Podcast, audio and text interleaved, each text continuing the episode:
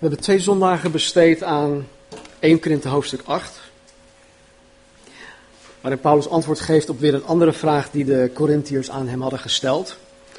En de vraag was of de Corinthiërs nou wel of geen vlees mochten eten dat aan de afgoden geofferd werd. En alhoewel dit gedeelte in hoofdstuk 8 specifiek gaat over het wel of niet mogen eten van dit offervlees, wat voor ons eigenlijk niet van toepassing is, geeft God ons in dit hoofdstuk een principe dat wel voor elke christen van toepassing is. En het principe is dat alhoewel wij vrij zijn en het recht hebben op bepaalde dingen, of om bepaalde dingen te mogen doen, is het soms noodzakelijk dat wij onze vrijheid en ons goed recht naast ons neer moeten leggen. En waarom is dat? Omdat mijn vrijheid en mijn recht nooit iemand tot aanstoot mag zijn. En het mag nooit iemand verhinderen om zowel dichterbij als überhaupt tot Jezus te kunnen komen. En zo in hoofdstuk 8 geeft Paulus ons het principe. In hoofdstuk 9, vers 1 tot en met hoofdstuk 10, vers 13 illustreert Paulus het principe. En vanaf hoofdstuk 10, 14 10, vers 14 tot en met hoofdstuk 11, vers 1 geeft Paulus ons de toepassing van het principe. Vanmorgen gaan we kijken naar hoe Paulus de Corinthiërs uitlegt waar hij als apostel, als dienstknecht van de Here recht op heeft. Maar geen gebruik van heeft gemaakt.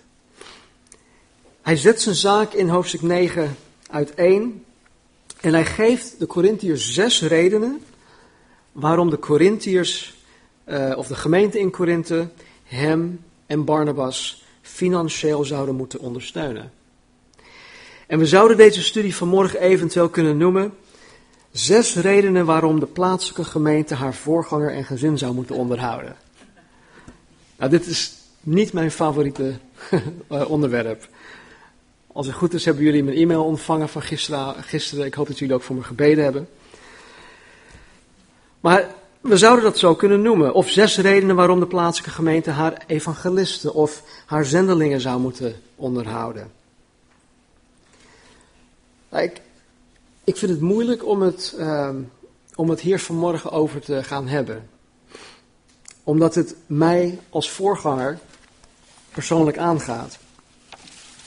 En ik wil vooral niet de indruk wekken dat ik jullie om iets vraag waar ik persoonlijk baat bij heb. Dus ik hoop, en ik heb ervoor gebeden, en ik heb jullie ook gevraagd om daarvoor te bidden, dat jullie de boodschap vandaag zullen aanvaarden in de geest waarin het voor morgen gebracht gaat worden. Namelijk dat dit onderwerp nu in hoofdstuk 9 aan de orde is gekomen. Ik heb het niet zomaar verzonnen. Ik heb niet gedacht van, hé, hey, laten we het deze keer over financiën gaan hebben. Want, nee, het is, het, is, het is nu aan de orde gekomen. Dus ik kom er sowieso niet onderuit. Ik moet dit behandelen. Want, zoals ik gisteren het mailtje ook heb gezegd, ik heb een heilige plicht om de gehele raad van God met jullie te delen. En dat neem ik heel serieus. Dus ook dit. En ik ga me er niet voor schamen. Ik ga het met volle overtuiging vanmorgen met jullie delen. Ook omdat er nogal verschillende ideeën zijn over dit onderwerp, wil ik er ook iets langer bij stilstaan, zodat ook wij als Cross Culture Calvary Chapel zullen weten wat God van ieder van ons hierin verwacht. Dus vanmorgen gaan we kijken naar de zes redenen waarom. En vervolgens gaan we kijken naar hoe. Hoe gaat dit in zijn werk? Nou, Paulus zei in hoofdstuk 8 dat men vrij is om bepaalde dingen te doen. Sterker nog, dat men zelfs het recht heeft op bepaalde dingen of om bepaalde dingen te doen. Maar aan het eind van het hoofdstuk, in vers 13, vat hij het principe samen. Hij zegt, daarom als het voedsel een aanstoot wordt voor mijn broeder, dan zal ik in eeuwigheid geen vlees meer eten, opdat ik mijn broeder geen aanleiding geef tot vallen. Paulus zegt hiermee dat als zijn vrijheid of zijn goed recht een aanstoot wordt voor zijn broeder of zuster, of als het aanleiding geeft tot geestelijk te vallen, dan zal hij zijn vrijheid en zijn goed recht naast zich neerleggen. En in hoofdstuk 9 tot en met hoofdstuk 10, vers 13 geeft Paulus ons dan ook een praktijkvoorbeeld uit zijn eigen leven, waarin hij zijn vrijheid en zijn goed recht naast zich neer heeft gelegd. Maar eerst, om zijn zaak te kunnen onderbouwen, geeft Paulus ons de zes redenen waarom hij wel recht had op financiële ondersteuning van de plaatselijke gemeente in Korinthe. Nou, de eerste reden geeft hij meteen al in hoofdstuk 9, vers 1. Dus als je je Bijbel hebt meegenomen, slaat open tot 1 Korinthe 9, vers 1. Hij zegt, ben ik niet een apostel? Ben ik niet vrij? Heb ik niet Jezus Christus onze Heer gezien? Bent u niet mijn werk in de Heer? Natuurlijk is Paulus een apostel, wij weten dat. Maar er waren mensen in Korinthe die zijn apostelschap in twijfel trokken. Maar hij zegt, hij heeft de opgestane Heer gezien. Nou, jullie weten, in Handelingen 9 op weg naar Damascus is de opgestane Jezus aan hem verschenen om hem te roepen als apostel. In Handelingen 18, toen Paulus in Korinthe was, tijdens zijn tweede zendingsreis, verscheen Jezus aan hem in een visioen om hem te bemoedigen om toch te spreken. In Handelingen 22, toen Paulus vertelde dat hij in Jeruzalem was en Jezus aan hem verscheen om hem te waarschuwen om zo snel mogelijk Jeruzalem uit te gaan. Nou, dus Paulus heeft de opgestane heren met eigen ogen gezien. waarom is dit dan zo belangrijk? Nou, het zien, het meemaken van de opgestane Heer was een van de voorwaarden om een van de twaalf apostelen te kunnen zijn. Jezus zei in de evangeliën dat de twaalf apostelen ehm, de twaalf stammen van Israël zullen gaan beoordelen. Dus met uh, het feit dat het Judas afviel, was er een vacature. En er moesten dus twaalf zijn. En nadat Judas de twaalfde apostel zelfmoord had gepleegd, zien we dus in Handelingen 1 dat Petrus opstond om de plaatsvervanger van Judas uit te kiezen en ook aan te stellen. En dat, ja, zij, zij kozen dan voor een zekere Matthias, waar we dus ook niks meer van gehoord hebben. En ik geloof dus ook echt dat Paulus de twaalfde is geworden. Maar goed, een van de voorwaarden om daar überhaupt voor in aanmerking te komen was dat degene Jezus in levende lijven had meegemaakt. En Paulus, die Jezus in levende lijven had meegemaakt, komt daar dus wel in aanmerking voor. Nou, daarnaast gaat Paulus mee met de gedachte van de Corinthiërs dat zij vrij waren om te doen wat zij maar wilden. En dan zegt hij, ben ik dan niet vrij? En al deze vragen die hij stelt, dat zijn retorische vragen. Dat, dat, natuurlijk ben je vrij, Paulus. Met andere woorden, als jullie Corinthiërs zo vrij zijn om te doen waar je recht op hebt, hoe meer vrij ben ik dan als apostel zijnde om mijn rechten uit te oefenen? En dan zegt hij, bent u niet mijn werk in de Here? Als ik geen apostel ben, hoe is het dan mogelijk dat jullie tot geloof zijn gekomen, Corinthiërs? Hoe is het mogelijk dat de kerk in Korinthe überhaupt gesticht werd? Het feit dat jullie Corinthiërs tot geloof zijn gekomen, het feit dat de kerk in Korinthe bestaat, is het bewijs van mijn bediening als apostel, als evangelist, als voorganger, als herder, als leraar, zegt Paulus. Hij kan net zo goed zeggen: Hallo, Corinthiërs, jullie hebben dit aan mij te danken. Het feit dat jullie in Jezus Christus geloven, hebben jullie aan mij te danken. Natuurlijk is het Jezus werk, natuurlijk is het Gods werk, maar God gebruikt menselijke instrumenten om zijn werk te verrichten. En als Paulus uh, de roepstem van God, van Jezus, niet had gehoorzaamd, dan was dit nooit tot stand gekomen. Althans niet door, door Paulus. Ik ben de apostel die door de Heer geroepen werd om jullie het evangelie te brengen, zegt hij hiermee. Vers 2. Als ik voor anderen geen apostel ben, dan ben ik het toch wel voor u, want het zegel van mijn apostelschap bent u in de Heer. Nou, in die tijd werd gebruik gemaakt van een, een zegelring of een zegel, een soort stempel. Die in gesmolten lak of was werd gedrukt, waardoor de afdruk van de stempel in dat lak of uh, in de was uh, bleef staan. En iedereen had zijn, of iedereen, de mensen die dit nodig uh, hadden, waarvoor het nodig was, hadden dan een, bepaalde stempel en het was uniek. Dus eigenlijk het, hetzelfde als, als onze vingerafdrukken. Het, het is ook uniek. Destijds hadden ze niet, uh, ja, was het niet zo, zo makkelijk om dingen te vervalsen zoals het nu is.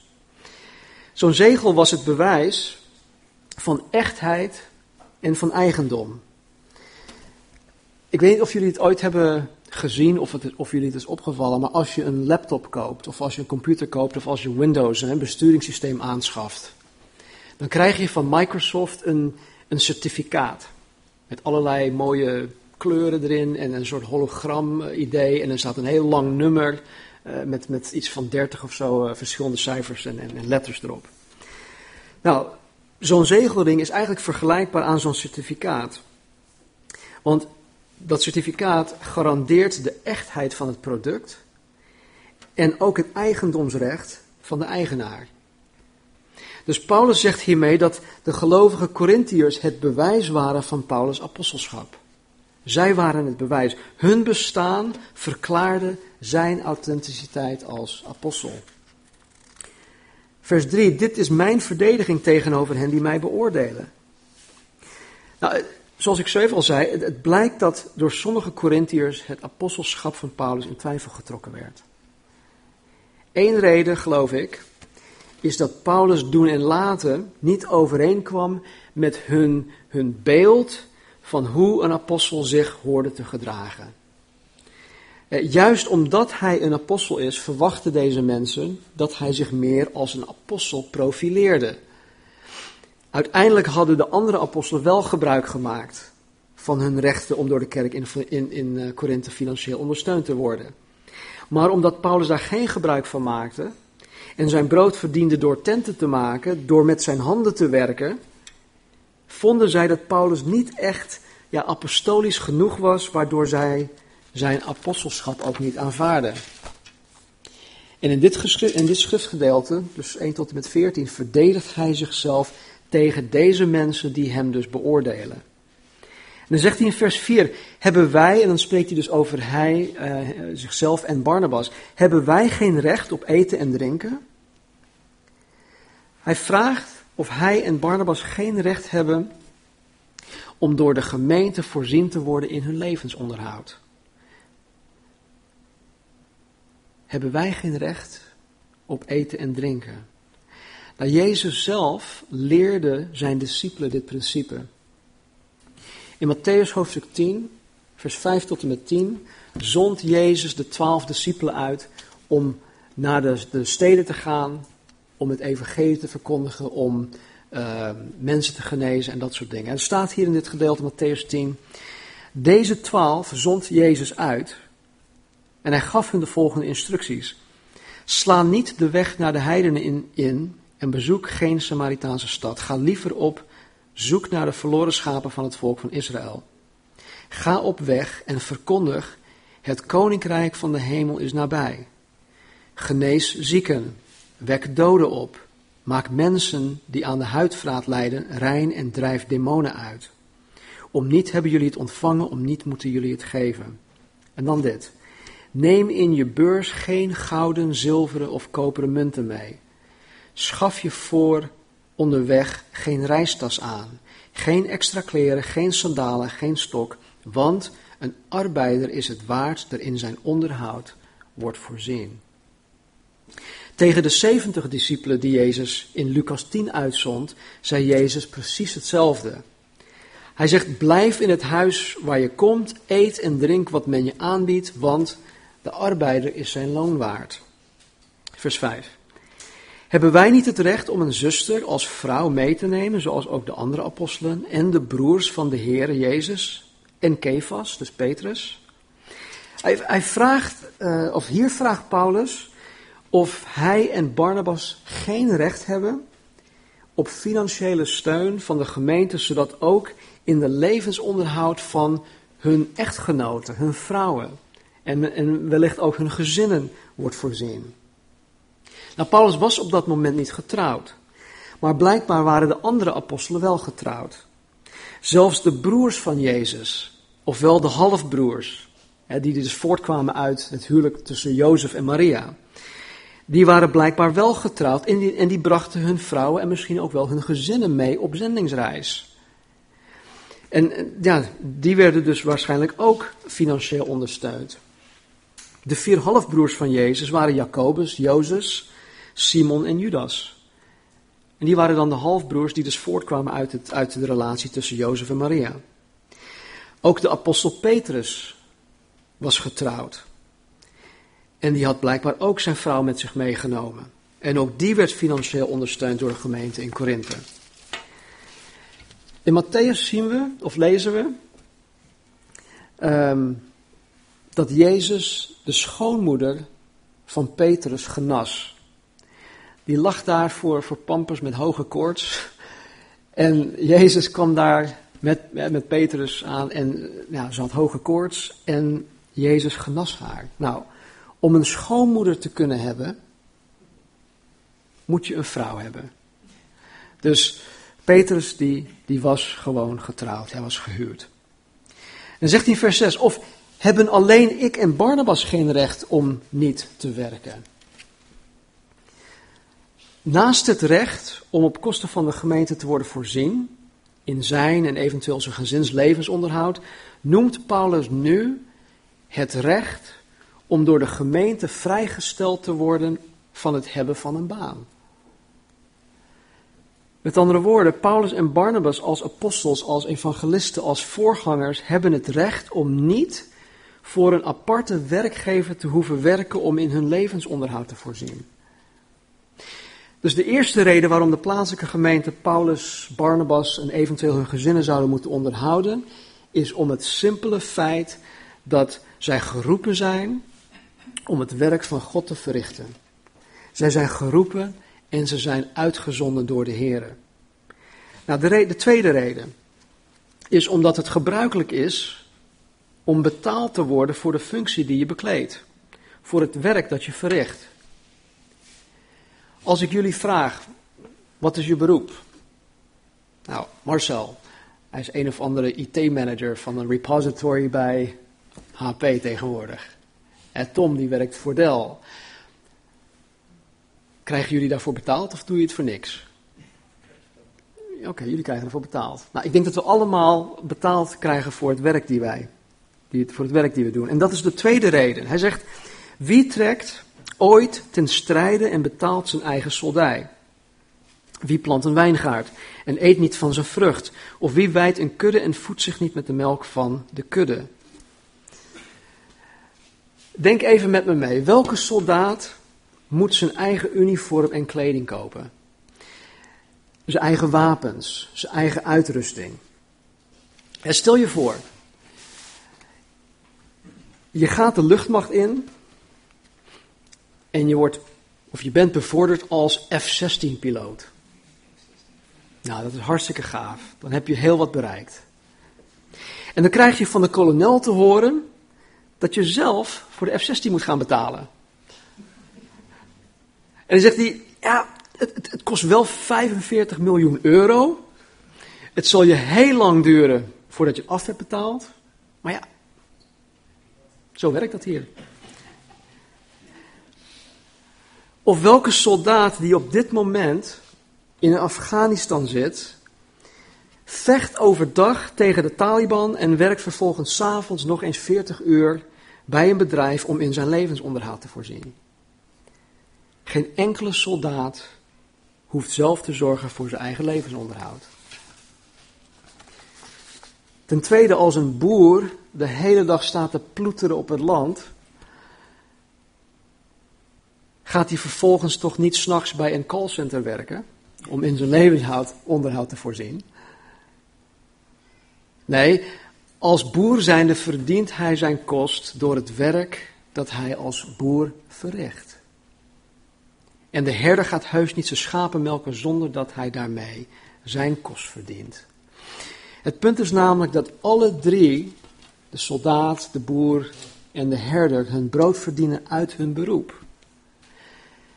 En als het gebruikelijk is voor de soldaat, de boer en de herder, dan is het toch heel normaal dat ook de geestelijke werker zijn brood uit zijn, laat het even beroep noemen, verdient. De derde reden zien wij in vers 8 tot en met 11. En dat is omdat het in de wet van Mozes staat. Het wordt in Gods wet voorgeschreven.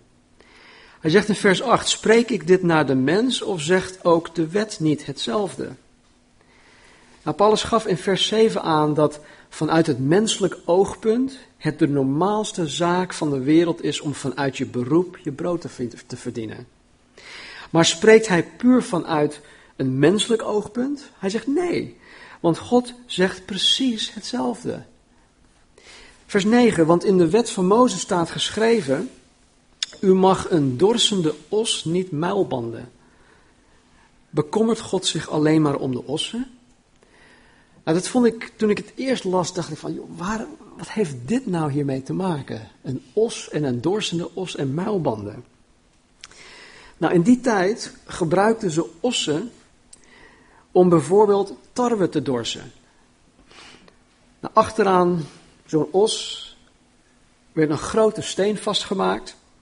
En deze os trok de steen over de dorsvloer om het kaf van het koren te scheiden, ofwel om uh, de tarwe te schillen, laat, laat ik het zo maar zeggen. En zo'n dier werd de hele dag ingezet om die steen maar heen en weer te slepen over de tarwe. Dus het zou echt wreed zijn om zo'n hardwerkende os te muilbanden, zodat hij niets van de tarwe of hooi kon eten. Als je zo'n dier wil frustreren, dan moet je muilbanden. En het is heus niet zo dat zo'n os alles opeet. Er is genoeg over voor de mens. Hij eet maar een klein beetje. Dat staat zelfs in de wet van God voorgeschreven. De heidenen, die waren wreed voor hun, hun, hun dieren. Maar God zegt zelfs in, in, in, in, in zijn wet, nee, je moet goed, gaan, moet goed omgaan met je dieren. Je moet hem niet muilbanden. En Paulus vraagt hier dus of het bij God gaat om de ossen. Met andere woorden, heeft God dit in de wet van Mozes geschreven om de rechten van de os te beschermen? Nee, zegt hij. Of zegt hij dit vooral om ons? Immers, ter wille van ons is dit geschreven, omdat wie ploegt, op hoop moet ploegen. En wie op hoop dorst, verkrijgt het deel waarop hij hoopt. Nou, als een, als een boer een maand lang, dag in en dag uit, keihard aan het ploegen is, dan doet hij dit met de hoop op een oogst. En dan doet hij dit niet om daarnaast nog eens een baan te hebben om zichzelf en zijn gezin te gaan onderhouden. Nee, hij verkrijgt het deel waarop hij hoopt. Zijn deel. Het deel waar hij recht op heeft. Vers 11. Als wij voor u het geestelijke gezaaid hebben, is het dan te veel als wij van u het stoffelijke zullen oogsten? Paulus en Barnabas hebben dag en nacht op het geestelijk gebied geploeterd om de Corinthiërs het evangelie te brengen. Om het woord van God aan hun te verkondigen, om leiders te trainen, om kerken te stichten enzovoort enzovoort. Dat, is, dat was de, de, de, de, de insteek, de instelling van, van, van Paulus. Hij werkte dag en nacht. Tegen de oudste van Efeze zei hij: Drie jaar lang, dag en nacht, heb ik jullie onder tranen het woord van God verkondigd. En Paulus zegt hiermee dat als hij en Barnabas zoveel tijd en energie in dingen van eeuwigheidswaarde hebben geïnvesteerd, dan is het toch niet te veel gevraagd om in materiële dingen gecompenseerd te worden ten behoeve van hun levensonderhoud? Dat is toch niet te veel gevraagd? Volgens Handelingen 18 waren zij in Korinthe minstens anderhalf jaar daar bezig. En hij heeft anderhalf jaar lang geen gebruik gemaakt van dit recht. De vierde reden is dat anderen het wel krijgen. Vers 12. Als anderen aan dit recht op u deel hebben, waarom wij nog niet meer? Of wij niet nog meer? Wij hebben echter van dit recht geen gebruik gemaakt, maar wij verdragen alles opdat wij geen enkele hindernis geven voor het evangelie van Christus.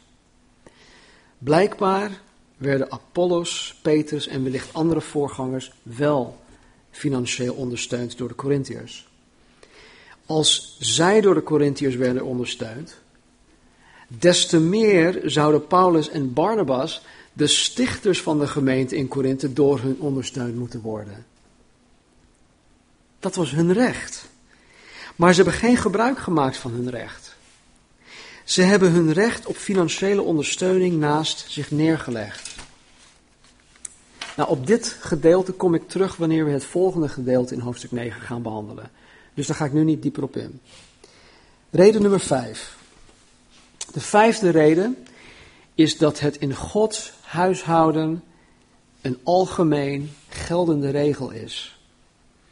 Vers 13. Weet u niet dat zij die de heilige dienst verrichten van het heilige eten, en dat zij die steeds bij het altaar verkeren meedelen in, het, in de offers van het altaar? Zo'n 3500 jaar geleden, de tijd van Mozes, toen Mozes de tabernakel moest maken of bouwen, werden de Levieten, dat is een van de twaalf stammen, de priesters die God in de tabernakel dienden, verantwoordelijk gesteld om namens de mensen offers aan God te offeren. En in nummer 18 zien wij dat van alles dat de mensen aan God offerden, deze priesters daar een deel van kregen. Ik wil een aantal versen wil ik uit uh, nummer 18 gewoon um, voorlezen. Vers 8. Even hoor, even een vraag. Is het nou Aaron of is het Aaron? Aaron, oké. Dat vind ik zo raar. In het Engels is het gewoon Aaron. De Heere gaf aan Aaron vervolgens deze instructies. Ik heb de priesters alle geschenken gegeven die het volk de Heere brengt. De offers die de Heere als beweegoffer werden aangeboden, zijn voor u en uw zonen. Dat is een eeuwige wet. De spijsoffers, de zondeoffers en de schuldoffers zijn voor u. Alle andere geschenken die voor het altaar als beweegoffer aan mij geofferd worden, zijn voor u en uw gezinnen. Zowel voor de zonen als de dochters. Want al uw gezinsleden mogen dit eten. Ook voor u zijn de geschenken die het volk aan de Heere brengt. Van de eerste opbrengsten van hun oogst. Het beste van de olijfolie, het beste van de wijn, het graan en de andere gewassen. Uw gezinnen mogen hiervan eten. U als priester mag geen land in eigendom hebben, noch een andere bron van inkomsten, want ik ben alles wat u nodig hebt. Wat de stam Levi betreft, uw familie, zij zullen voor hun werk worden betaald uit de tienden die het hele land Israël opbrengt. Tot zover.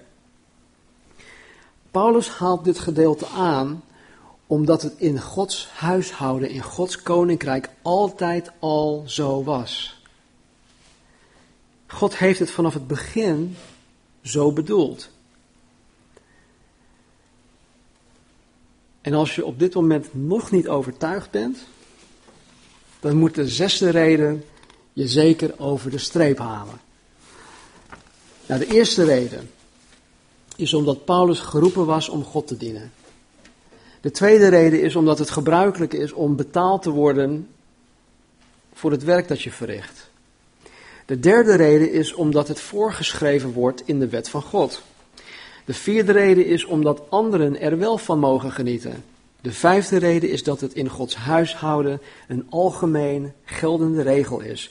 Het hoort in Gods huishouden zo te zijn. En de zesde reden. De zesde reden waarom de plaatselijke gemeente haar voorganger en gezin zou moeten onderhouden is dat Jezus zelf het aan ons opdraagt. Vers 14. Zo heeft de Heer ook met het oog op hen die het evangelie verkondigen opgedragen dat zij van het evangelie leven. Zo heeft de Heer ook met het oog op hen die het evangelie verkondigen opgedragen dat zij van het evangelie leven. Nou, dit is geen verzinsel van mensen. Het is ook niet een, een niet geldende oud-testamentische wet of regel.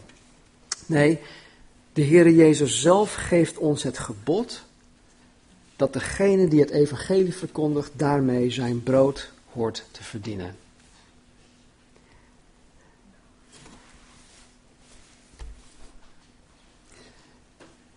Dit is dan deel 1. Het waarom de plaatselijke gemeente haar voorgangers dient te onderhouden. In deel 2, over twee weken, zullen we gaan zien hoe. Hoe gaat dat in zijn werk? Waar komt het geld vandaan? Dus dan gaan we zien hoe. Aanstaande zondag gaan we eerst heilig avondmaal vieren. En dan zullen we gaan kijken naar de ik ben uitspraak van Jezus. Maar ik wil het hierbij laten. Ik weet dat het geen evangelieverkondiging is geweest vanmorgen.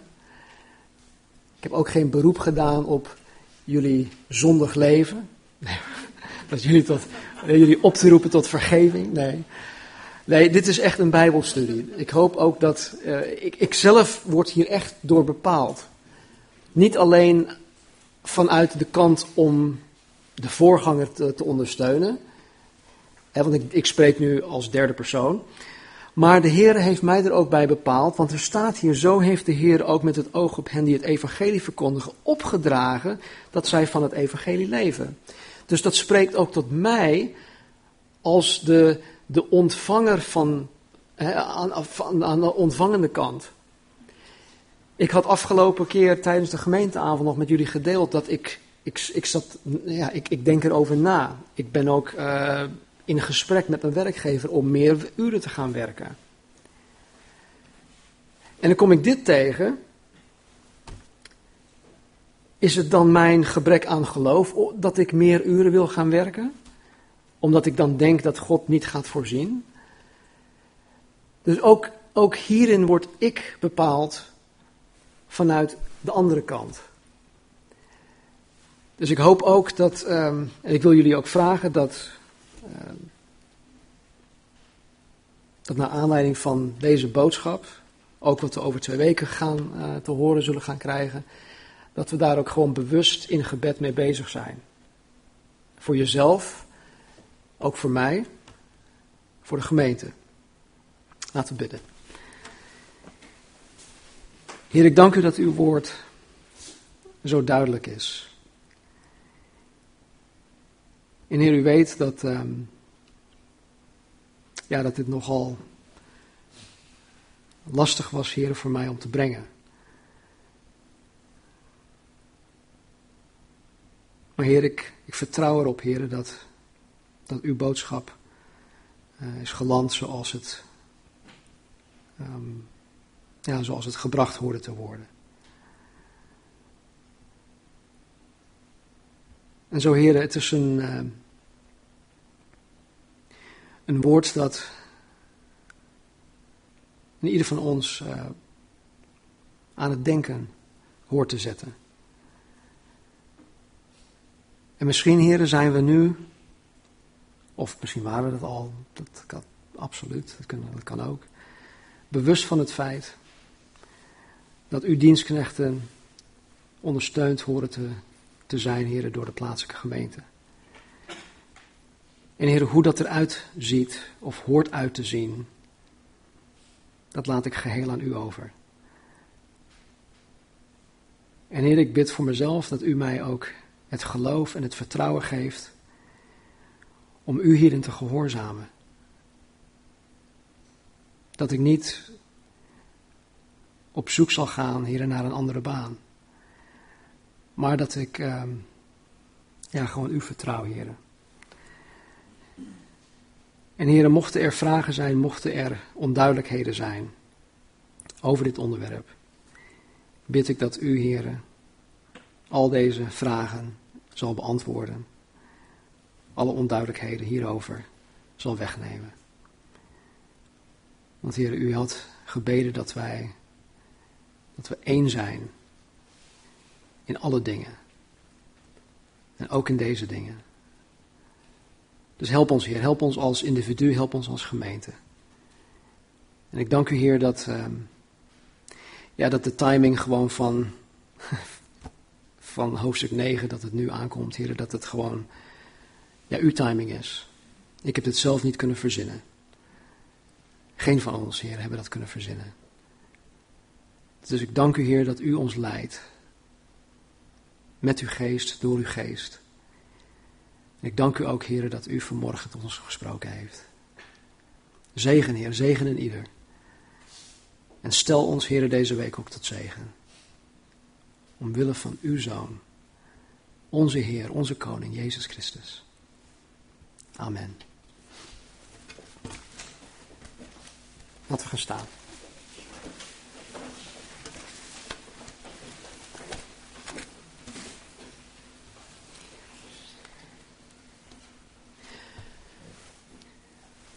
Mijn gebed, mijn hoop voor jullie deze week is dat je